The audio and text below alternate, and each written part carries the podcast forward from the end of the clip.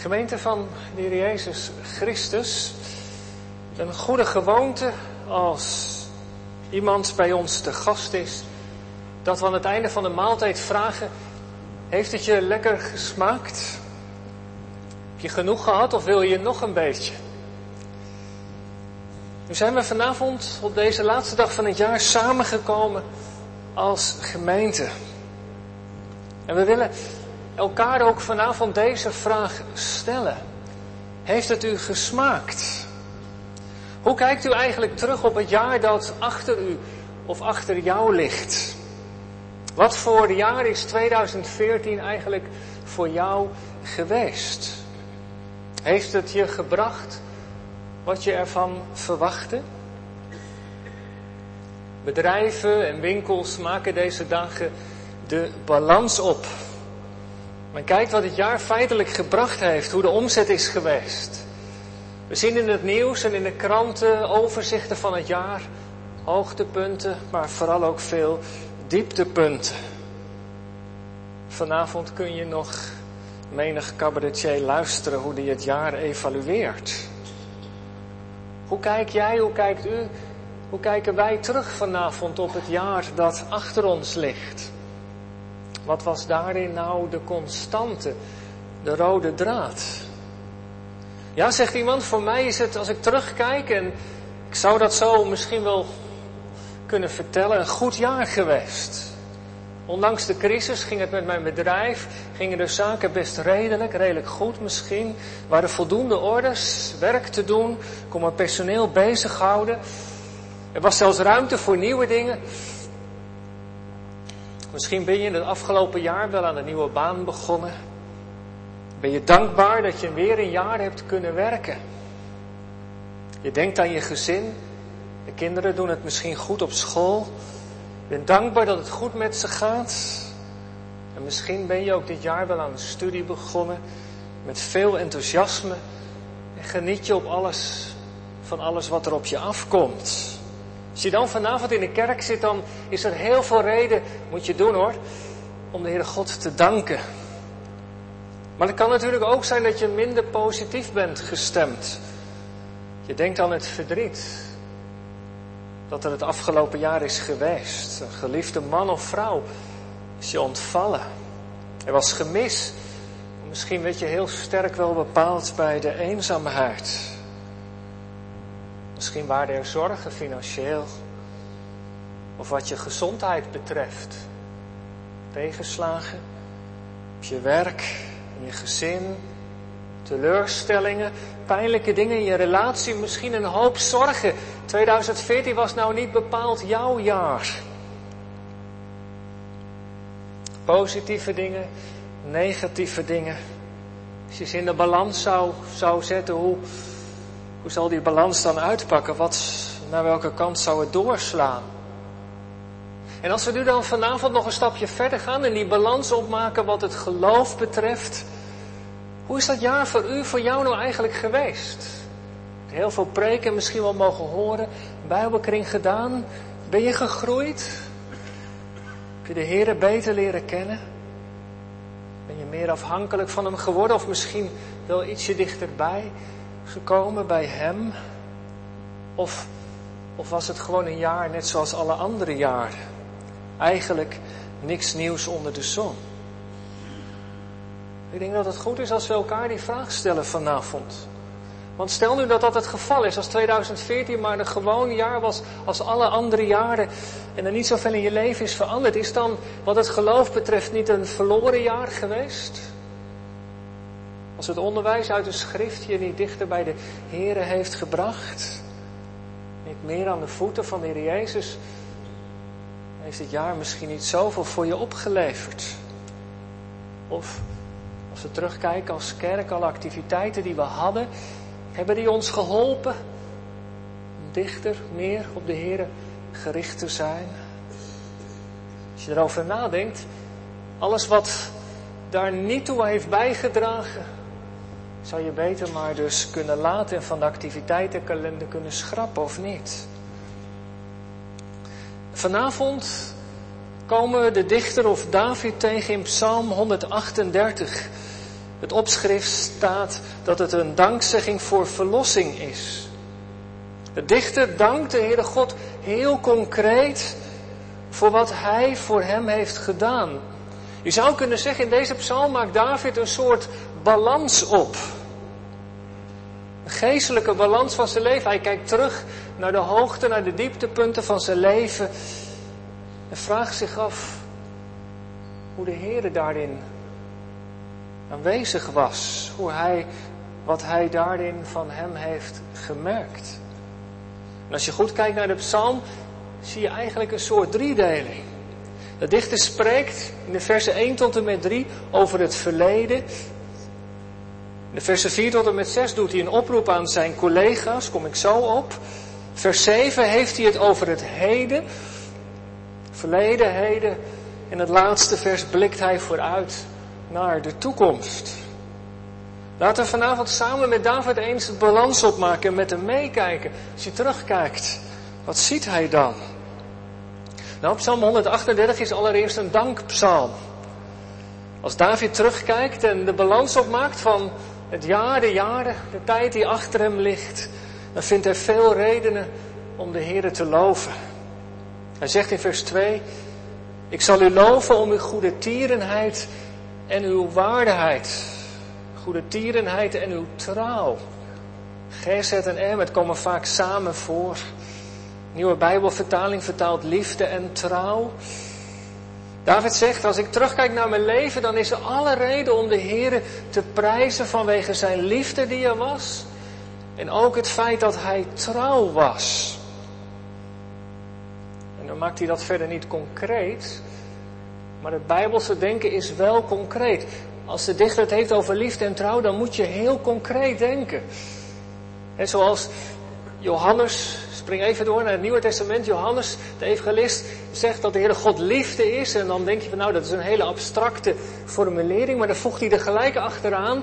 Hierin is de liefde van God geopenbaard dat hij zijn enig geboren zoon heeft gezonden. Die liefde van God blijkt concreet. Die daad. Wat we met kerst hebben gevierd, dat de Heer Jezus is gekomen.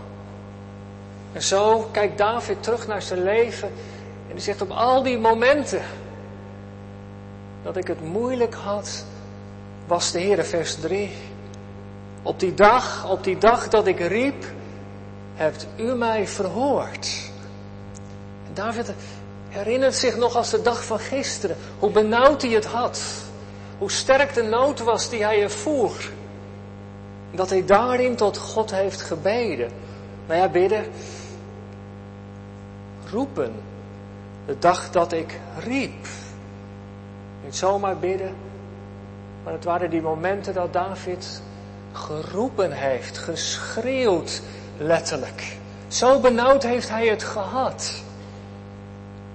En als je nou, als David de dichter is, als je de psalm legt naast zijn leven, dan blijkt er in het leven van David heel wat aan de hand geweest te zijn.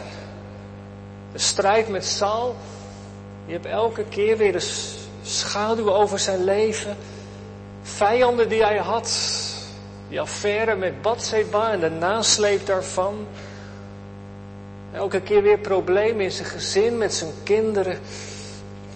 David is op al die momenten heel vaak geconfronteerd met zichzelf. Met zijn eigen zonde, met zijn keuzes. Als zo de balans, als David zo de balans opmaakt, dan heeft hij een uitermate bewogen leven gehad. Het moment dat hij het zo benauwd had, dat hij geen uitkomst meer, meer zag en dat alleen de weg omhoog in nog was, dat hij geroepen heeft tot God. kom je vaak tegen in de psalmen die aan hem zijn toegeschreven, of die hij heeft gedicht. Zo kijkt David terug op zijn leven en hij zou er een heel boekje over kunnen open doen. Hij zou dat zomaar op tafel kunnen gooien. Maar in deze psalm doet hij dat niet. Als hij terugkijkt naar zijn leven, naar de keuzes die, hij maakt, die hij heeft gemaakt, dan is er één ding in dat alles, wat als het ware een soort rode draad vormt. En dat is de draad van Gods trouw. Vers 3. Toen ik riep, toen was u er. Toen hebt u mij gehoord. U hebt mij versterkt met kracht in mijn ziel. En dat is nou die trouw van de Heere God. Dat je ondanks je keuzes, ondanks dat je hem verdriet, doet dat als je roept, dat hij ook antwoordt. En David is daar verwonderd over en daarom heeft, heeft hij deze psalm gedicht. Dat ook te delen als een soort geloofsgetuigenis. Ik heb veel waar ik liever niet over zou spreken, maar als ik één ding moet zeggen, terugkijkt in mijn leven, is de trouw van de Heere God. Hij was er op al die moeilijke momenten. Als wij gemeente vanavond terugkijken naar het afgelopen jaar, wat zijn daarin dan niet, wat zijn dan daarin voor u de hoogtepunten geweest? Wat waren daarin de dieptepunten? En was er ook, als u terugkijkt naar het afgelopen jaar, ook iets van een rode draad te vinden? Was dat misschien dit? Dat u vanavond bij uzelf zegt, ja, als ik terugkijk, dan moet ik één ding toegeven. Dan was de Heere er. Hij is gebleken. Een hulp in benauwdheid, een God van nabij. Al die moeilijke en verdrietige dingen heeft hij mij getroost. Heb ik iets van zijn nabijheid mogen ervaren. Gezondigd had, was er bij de Heer Jezus vergeving te vinden. Ik hoop dat u daar iets, dat jij daar iets van kan getuigen. Ik ben er soms ook zo verwonderd over. In ontmoetingen en gesprekken met mensen. Dat ze zomaar vertellen, als je bij ze op bezoek komt en dan is er vaak ook wel wat aan de hand. Dan vertellen ze over de moeilijke dingen in hun leven en hoe, hoe slecht ze s'nachts kunnen slapen. En dan zomaar ineens vertellen ze dat een regel uit de schrift hen zo bemoedigd heeft. Een lied, een psalm, wat ze hebben geleerd. Een kaartje van iemand met een tekst. En zomaar even ervoeren ze nabijheid, de zorg, de liefde van de Heer. Hij liet iets van zich merken. Ik denk dat David daar ook op doelt. Aan het slot van vers 2. Omwille van uw naam. God heeft reden uit zichzelf genomen. Omwille van zijn eigen naam hebt u uw belofte groot gemaakt, zegt David. In de grondtekst staat daar een bijzonder woord. Dat duidt op het persoonlijke spreken van de Heer. En vandaar dat het vertaald wordt met belofte of toezegging. En zomaar op het moment dat David in de put zat, dat hij er niet uitkwam, dat, dat hij het erg benauwd had. Dat hij even geen raad weet met de omstandigheden, kwam er zomaar een persoonlijk woord van de Heer naar hem toe. Dat richting gaf, dat hem versterkte. Jij bent mijn koning. Ik heb je aangesteld, vrees niet. Op een ander moment, mijn oog zal op je zijn. Ik zal je raad geven. Zo terugkijkend zijn er veel van die momenten geweest, zegt de dichter. De Heere was er. De dag dat ik riep. Hebt u mij verhoord. U heeft mij versterkt. Met kracht in mijn ziel. Dat is ook de reden dat, dat de psalm met lofprijzing en dankzegging begint. Ik zal de Heere loven met, met heel mijn hart. Als er van die momenten in je leven zijn geweest dat je dat hebt mogen ervaren, dan is het goed om dat ook te delen. Dan moet je vasthouden. Hij heeft er recht op dat je hem ook daarvoor eert. Als je iets van kracht, wijsheid of bemoediging hebt mogen ervaren, dat je hem daar ook voor dankt. Als je terugkijkt op 2014, heeft u reden om te danken. We moeten dat zeker ook doen. Dichter David doet het. Hij dankt, vers 1, in de tegenwoordigheid van de goden. En hij roept ook de koningen op. Goden en koningen. Allereerst de goden. Ik zal u loven met heel mijn hart, zegt hij, in de tegenwoordigheid van de goden. De berijming staat in het midden van de goon, van de goden. En ik denk als we het zo vertalen, dan begrijpen we niet precies wat, wat de bedoeling is. Letterlijk staat er tegenover de goden. Of misschien moet je wel vertalen tegen die goden in. Tegen de goden in zal ik uw psalm zingen. Er zit een hele kritische toon in. Want die goden, die vertegenwoordigen de godsdiensten die Israël omringden van de volkeren. Elk volk had zijn eigen God, zijn eigen afgod, eigen religie, eigen cultus. En tegen al die religies in, zegt David, zal ik de Heere prijzen. Waarom? Omdat de Heere, de God van Israël, de enige is die werkelijk hoort. De enige God die in staat is om gebeden te beantwoorden. De enige die in staat is om te antwoorden is de Heer. Er zit ook een les in, denk ik, gemeente.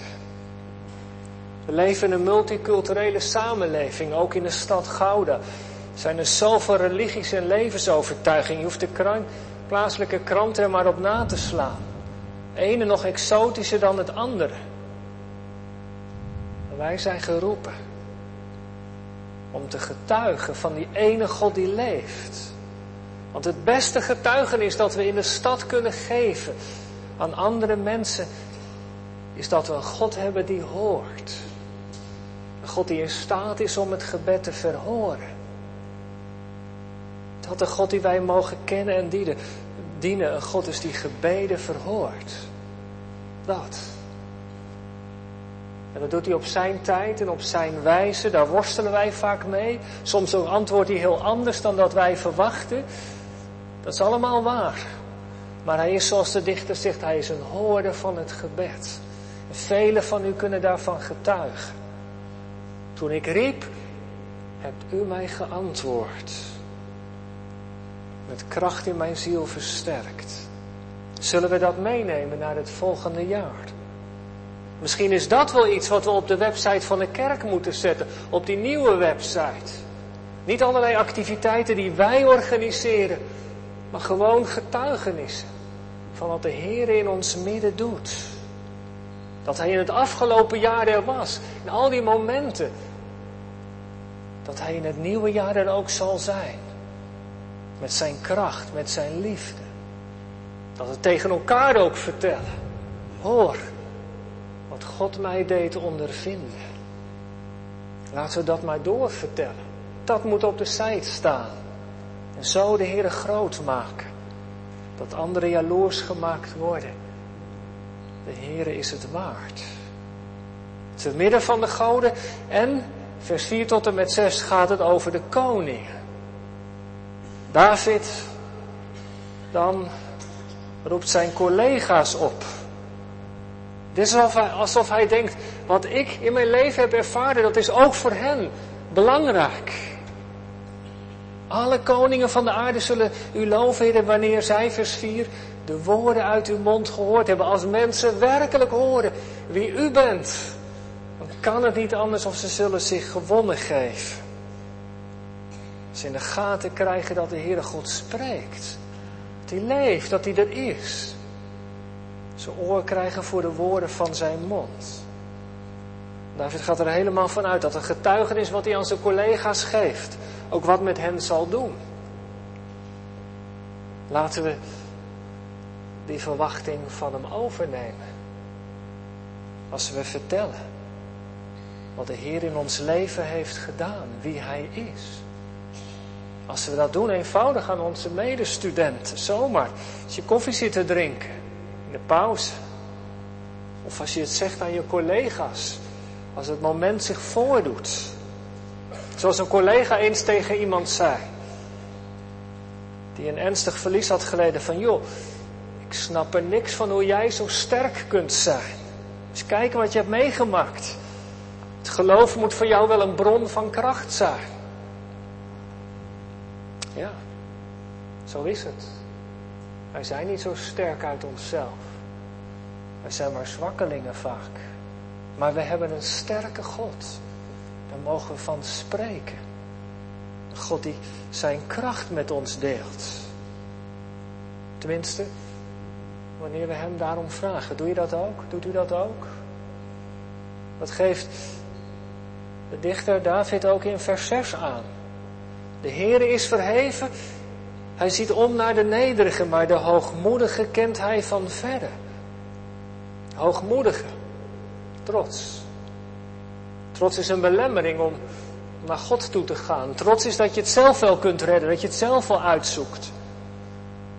Dat je de Heere God er buiten laat. David zegt, de Heer gaat liever niet om met trotse mensen. Waarom niet? Kan hij zijn hart niet aan kwijt. Hij zoekt mensen die nederig zijn, die open handen hebben, die hem betrekken bij wat ze meemaken, die, die hem ook om zijn nabijheid vragen. Daar gaat hij mee om. De nederige ziet hij aan. Weet u, de reformator Luther zegt over dit vers iets moois. Hij zegt, de Heere God is zo groot, die kan niet boven zich kijken. Er is niemand boven hem. God kan alleen maar naar beneden kijken. En hoe dieper iemand zich bevindt, hoe beter God het kan zien. Hij ziet om naar nederigen van hart, mensen die afhankelijk willen zijn. Hoe leger de handen, hoe beter God ze kan vullen. Mensen die hem om hulp vragen, zoals de dichter van deze psalm, die zullen ervaren dat God hoort. Roep mij aan in de benauwdheid. Ik zal je horen. Zo heeft David, als hij de balans opmaakt van zijn leven, al die momenten mogen ervaren dat de Heer erbij was. Maar moet je niet denken dat, dat bidden en dat God antwoord geven, dat dat betekent dat hij alle omstandigheden dan maar verandert. Dat zouden we zo graag willen. Maar er blijft ook nog zoveel gebrokenheid. Dat is het tweede punt. Dat zien we ook. Vers 7 heeft hij het over het heden. Hij heeft niet alleen in het verleden dingen geleerd, de dichter, maar, maar ook in het heden is een rode draad zichtbaar. En mensen dreigen dat nog wel eens makkelijk te vergeten. Wanneer er moeilijkheden komen en zorgen zijn, hoe vaak overkomt het je dan niet dat je denkt van, maar heren, waar bent u nou? Bent u er nog? dat gevoel dat je een speelbal bent op de golven. En die gaan maar op en neer. En naar de ene golf komt er nog een andere. Zo kan je leven zijn dat die omstandigheden zomaar over je heen spoelen. En je bent zo'n bal, zo'n speelbal. Zo kun je je voelen. Waar bent u dan? Zo kan het in je leven gaan. Ik herken dat wel. Of maar iets te zijn en je maakt je zorgen. Maar het is niet de hele waarheid. Zo kan het in je leven gaan. Gods kinderen blijven moeilijkheden niet bespaard. Dat zegt hij. Als ik midden in benauwdheid verkeer, hij heeft die ervaring van God in zijn leven mogen hebben. Maar er was ook nog zoveel benauwdheid die bleef. Midden in de benauwdheid, je bent erdoor omringd. Benauwdheid, dat is dat beklemmende gevoel dat je er niet uitkomt. Zo'n straatje zonder uitgang. Hij wandelt te midden van benauwdheid. Er zijn vijanden, mensen die hem belagen. Hij zit midden in een geestelijke strijd. Er zijn tegenstanders. Die hem de vreugde van de nabijheid van God willen verstoren. Die die zegen dat je zo'n woord van God ter bemoediging ontvangt, zomaar weer van je proberen af te futselen. Van je af te pakken. Die geestelijke strijd die blijft er. Tot aan het einde van de tijd. Die benauwdheid die gaat als een zwarte schaduw met de dichter mee. Misschien juist wel. Als je dicht bij de Heer wil leven, dat je daar meer last van hebt. Voel je de strijd soms zo hevig. Midden in de benauwdheid verkeer ik, zegt de dichter. Weet u, we hoeven ons wat 2015 betreft ook niet zoveel illusies te maken, denk ik. De strijd, de moeite en de gebrokenheid, die zal er ook in dat jaar, het nieuwe jaar dat morgen begint, ook wel gewoon weer zijn. Helaas, die benauwdheid, tegenstanders. Wie met God leeft, zal op tegenstand moeten rekenen. Waar het vuur van het geloof hevig brandt, is ook altijd een rook. En misschien zullen we in 2015 wel zo'n bal zijn die op de golven heen en weer wordt geslingerd. Wie zal het zeggen? Maar, zegt de dichter, midden in die benauwdheid maakt u mij levend. U strekt uw hand uit. Dat, dat mag je in het geloof weten. Dat er een hand is die je vasthoudt. Die door het geloof met deze God verbonden is, wordt door hem in moeilijke tijden in leven gehouden, staande gehouden. God houdt je vast. Hij sleurt je er doorheen. Door die omstandigheden. Door die benauwdheid. U strekt uw hand uit. De vijanden, tegenstander kan hevig tekeer gaan. Maar het is uw rechterhand die mij verlost. Die ervoor zorgt dat ik niet door die omstandigheden helemaal verslagen raak. Meegenomen word. Want met die beproeving geeft God uitkomst, zegt de dichter. Dat is die sterke hand van God waarmee hij zijn kinderen vasthoudt. U, jou en mij. Wie met hem leeft. En ik hoop dat jij, dat u dat ook doet. Als u met de Heer Jezus verbonden bent, dan zal die hand van God in 2015 er ook zijn voor jou. Als je een moeilijk jaar tegemoet gaat op school, op je studie, op je werk, dan mag je ervan uitgaan dat er een hand is die je draagt. Die rechterhand, dat is die sterke hand van God. Die zal er ook in het nieuwe jaar zijn. Want de Heer laat niet los wat zijn hand in je leven is begonnen. Midden in de benauwdheid is daar uw hand. En daar dankt David de Heere God voor. Dat geeft hem moed om vooruit te kijken. Dat is het laatste punt, daarmee eindig ik. De toekomst, vers 8. David kijkt nog even vooruit. Hij durfde terug te kijken. In het heden was het niet, niet eenvoudig, maar, maar hij durft ook vooruit te blikken. Wat zal hem in dat nieuwe jaar te wachten staan? Wat zal ons in het nieuwe jaar of jou te wachten staan? Weet je het? Nee, dat weten we natuurlijk niet. Maar de ene crisis zal misschien nog wel sneller de andere opvolgen. Zullen er oorlogen zijn? Ja, dat ook. Steeds vaker zullen mensen elkaar naar het leven staan. 2015 is niets nieuws zonder de zon. En misschien ga je zelf wel door een moeilijk jaar, wie zal het zeggen? Toch, toch eindigt de psalm met een danklied. Met lofprijzing. Want wat is het geheim van een hoopvolle toekomst? Dat is dat de Heere, vers 8, zijn werk voor mij zal voltooien. Hij zal het tot een goed einde brengen. Dat werk wat hij in onze levens bezig is te doen, daar gaat hij ook in het nieuwe jaar mee verder. Dat zal hij tot een goed einde brengen, omdat hij trouw is. Reformato Calvijn schrijft over dit vers, voleinde, dat is de Heere zal verder gaan met te tonen dat Hij zorgt voor mijn heil. Wat hij begonnen is, dat zal Hij ook ten einde brengen. En dat geeft David vertrouwen. Hij rekent erop dat de aard van God niet zal veranderen. Dat God zijn goedheid niet kan vergeten. Staat in dat vers 8 ook, uw goede tierenheid is voor eeuwig. Het karakter van de Heer, dat is constant. Dat kan Hij niet meer veranderen. De uitlegger zegt, God kan zijn goedheid niet vergeten omdat Hij er geheel mee vervuld is. Als dat tot je doordringt, dan geeft dat moed voor het nieuwe jaar dat komt. God kan zijn goedheid niet laten varen omdat ze eeuwig is. En hebben we dat als kerk pas ook mogen vieren, toch? Advent, kerst, geboorte van de Heer Jezus, ons komst van onze heiland naar deze wereld. Dat God de wereld zo lief had, dat Hij zijn gezicht liet zien. Dat Hij uit de hoge hemel neer is gekomen om ons te laten zien wie Hij is. En kerst is de eerste stap op aarde en dan gaat God verder naar Goede Vrijdag in Pasen. De kribbe en het kruis van hetzelfde hout. God gaat door met tonen wie Hij is. Ja, zeg je. Maar als 2015 voor mij nou niet zo'n goed jaar wordt. Bepaalde keuzes die ik maak, misschien stel ik de Heere God wel teleur. Misschien is er gebrokenheid en worsteling in mijn leven en ik neem mezelf ook mee in het nieuwe jaar. Wat zal er eigenlijk veranderen? Toch? hoeven wij aan de genade en goedheid van de Heer niet te twijfelen. Want die goede tierenheid is voor eeuwig. Als er één rode draad is in mijn leven, in jouw leven, dan is dat de goedheid van de Heer.